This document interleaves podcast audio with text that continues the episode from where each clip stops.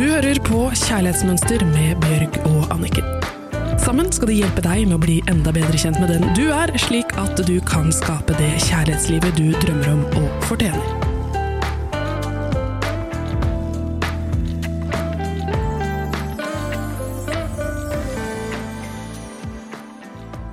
Ja, ja, ja, ja, da er vi tilbake! Så deilig å ha deg her. Nå er det snart helg.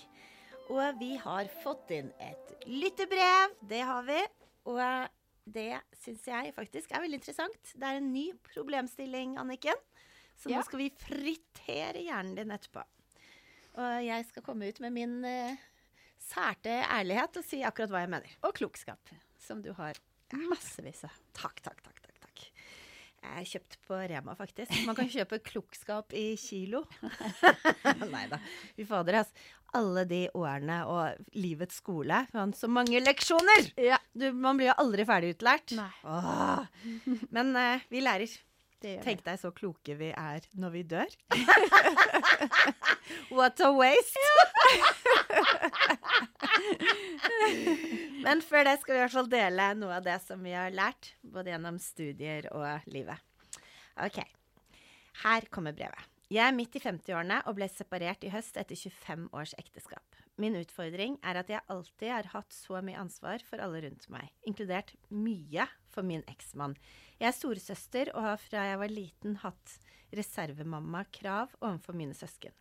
I ekteskapet fikset jeg, ordnet, slapp partneren fri til å bruke mye tid på sine fritidsinteresser, curlet og la til rette. Han var lite villig til å strekke seg for meg, bli med på ting som jeg ønsket. Dette er et mønster Se, hun ser det. Dette er et mønster jeg ønsker å jobbe med. Jeg har god selvfølelse, men er redd mitt ubevisste mønster vil gjøre at jeg på ny vil falle for feil type partner. Jeg har aldri hatt en partner som virkelig har tatt meg og mine verdier på alvor. Jeg vil jo gjerne ha en trygg armkrok, ha en bauta i livet mitt. Jeg har blitt så vant til å være sterk, megle, sørge for god energi i familien. Hvordan bryte dette? Klem fra meg. Ehm, nå ser jeg at Anniken har satt seg ytterst på stolen, litt nærmere mikrofonen, for hun er så klar for å svare hva hun tenker om dette leserinnlegget. Vær så god. For det første så er det jo kjempebra at uh, hun har innsett at det er et mønster. Og dette handler jo om grensesetting. Hva har jeg ansvar for, hva har jeg ikke ansvar for? Her slutter jeg, her begynner du. Uansett hvem det er. Og vi er ofte helt grenseløse i disse forholdene våre. Og så handler det om roller. Disse rollene tar vi helt automatisk uten å tenke oss om. Og de, det kan være alt fra å være en caretaker, en som skal passe på, en, en morsrolle, noen tar det å være barnet. Men disse rollene startet som oftest i barndommen, og det var ut ifra redsel om at vi ikke var bra nok eller bra nok til å være elsket for den vi er. Så derfor tok vi på oss en rolle for å liksom i gåstein vinne kjærlighet rundt oss hos andre, og for å unngå smerten som vi ellers måtte kjenne på ved å ikke få kjærlighet hvis vi ikke tok den rollen. Og det som er faktum, er at noen hadde behov for at man skulle ta en rolle, for da føltes deres liv så mye bedre for de. Og så gjør vi dette her fordi da ser vi det som vår sjanse til å bli likt og elsket. Og Det høres jo ut som innsenderen, siden hun sier at hun hadde rolle som reservemamma som liten. Mm. At det var en rolle som på en måte var ledig i familien hennes. Det var tydeligvis at moren hennes hadde for mye å gjøre, eller var sliten eller deprimert eller et eller annet. Sånn at det var behov for den reservemammaen. Og det er helt utrolig hvordan vi tar de rollene som det er behov for. Om det er liksom mye tristhet i en familie, så er det ofte en som velger å bli klovn for å gjøre det lettere, mens den andre blir liksom den omsorgsfulle.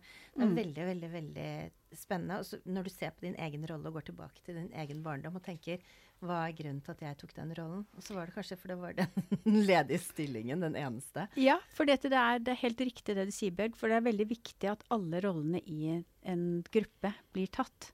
Og da som barn, hvis man er sensitiv og omsorgsfull og opptatt av at det skal være hyggelig rundt oss, og har lyst til å bidra med det, så blir det nettopp resultatet. Sammen med den redselen man da har kjent på at man får ikke kjærlighet. Eller man får mye mer kjærlighet hvis man da tar en rolle. Og det som jeg bare vil poengtere til eh, deg, er at den rollen du hadde i familien din som barn, er ikke den rollen som du tar på jobben din eller i vennegjengen, men det er faktisk den rollen som du tar med deg inn i forholdet. Så det er derfor vi ofte snakker så mye om hvordan barndommen din var, hvilken rolle du hadde som barn, fordi at du tar akkurat den samme rollen i kjærlighetslivet ditt.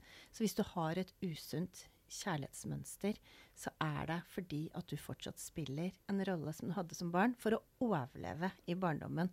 Og for å få den kjærligheten som du trengte i barndommen. Og hvor du gjorde så godt du kunne som barn. Men den rollen er Skaper kanskje blitt veldig uhensiktsmessig nå i ditt voksne Ja. liv, og skaper, Store konflikter inni deg. Og jeg tenker, Bjørg, du har jo opplevd å ta roller ikke bare blant menn i forhold, men også offentlig. Som den som er sånn moderaktig, og som gir masse. Du er enormt sjenerøs, raus, og er sensitiv og senser veldig lett hvordan andre mennesker er det. Raus, men ikke laus.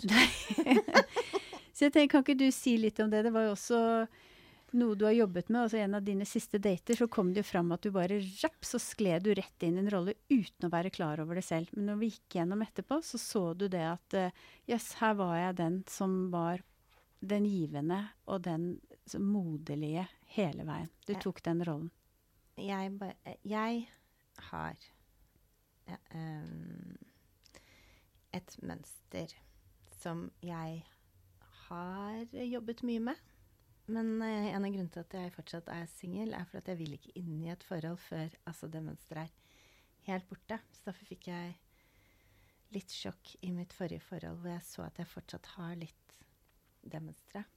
Og så Så derfor så vil jeg bare skrubbe og rense til, sånn at det ikke er noe igjen av det. Fordi at for meg så er det destruktivt. Og det er at da jeg var liten, så trodde jeg at uh, bare jeg var snill, og liksom ekstremt snill, da, hvor jeg tenkte mer på hvordan mine omsorgspersoner hadde det, enn på hvordan jeg selv hadde det.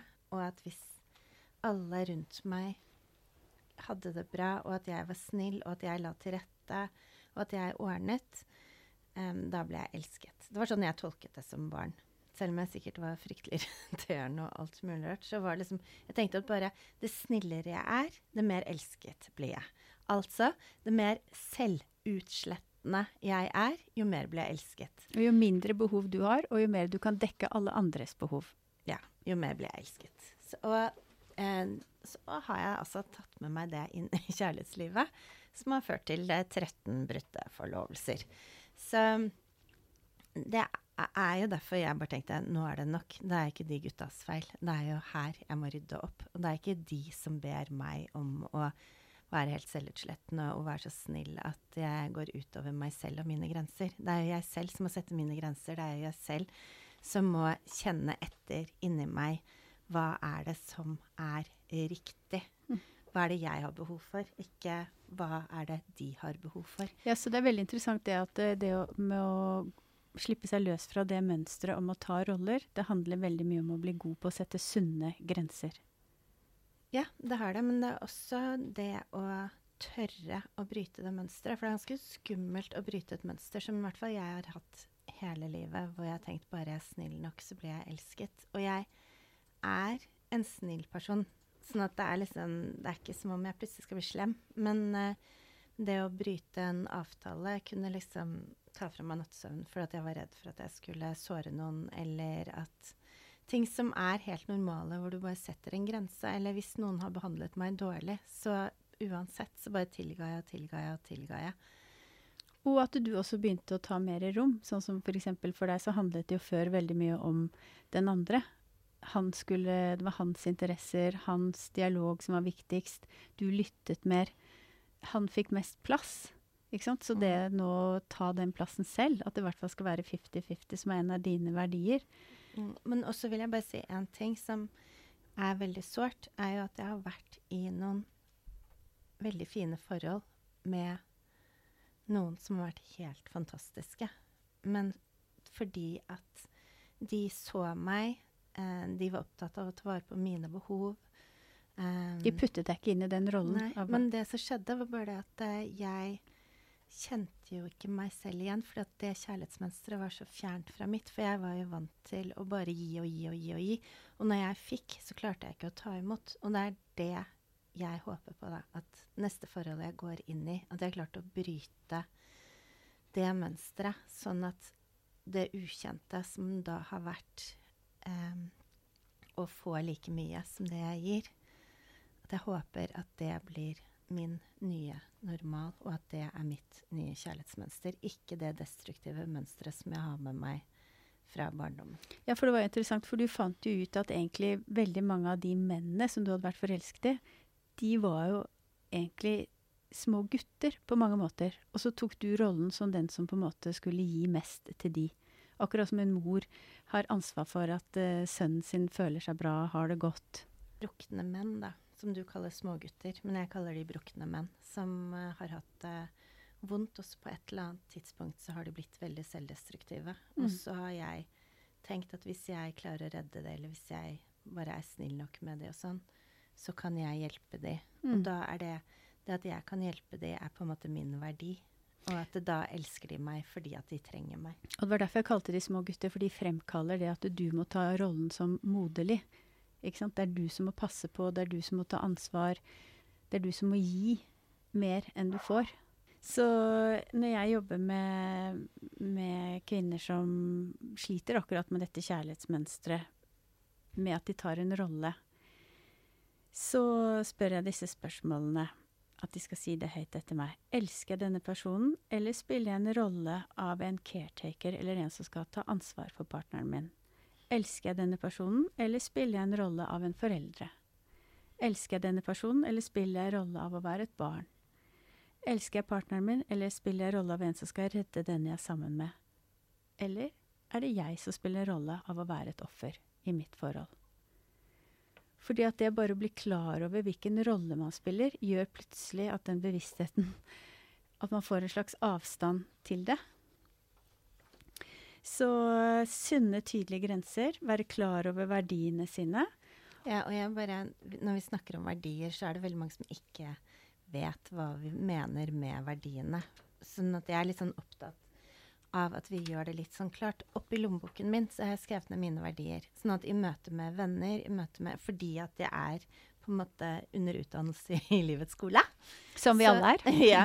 Men da tenker jeg bare at det, er fordi at jeg liksom Først så må jeg bare bli veldig bevisst på det, før liksom det bare blir en del av meg, sånn at jeg trenger ikke å tenke på det engang. Så i lommeboken min så har jeg en lapp med mine verdier.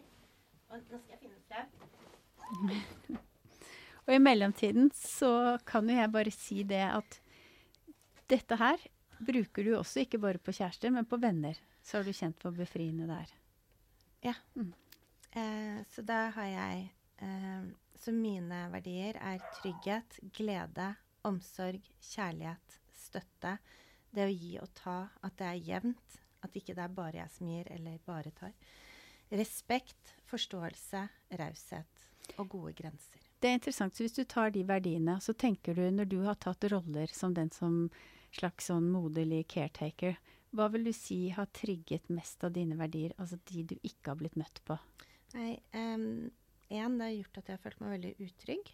Fordi at eh, jeg følte at eh, jeg må gi og gi og gi. Og hvis jeg slutter å gi, så Er du ikke noe verdifull? Ikke Jeg har har vært sammen med mange nydelige menn, men det er veldig mange knokne.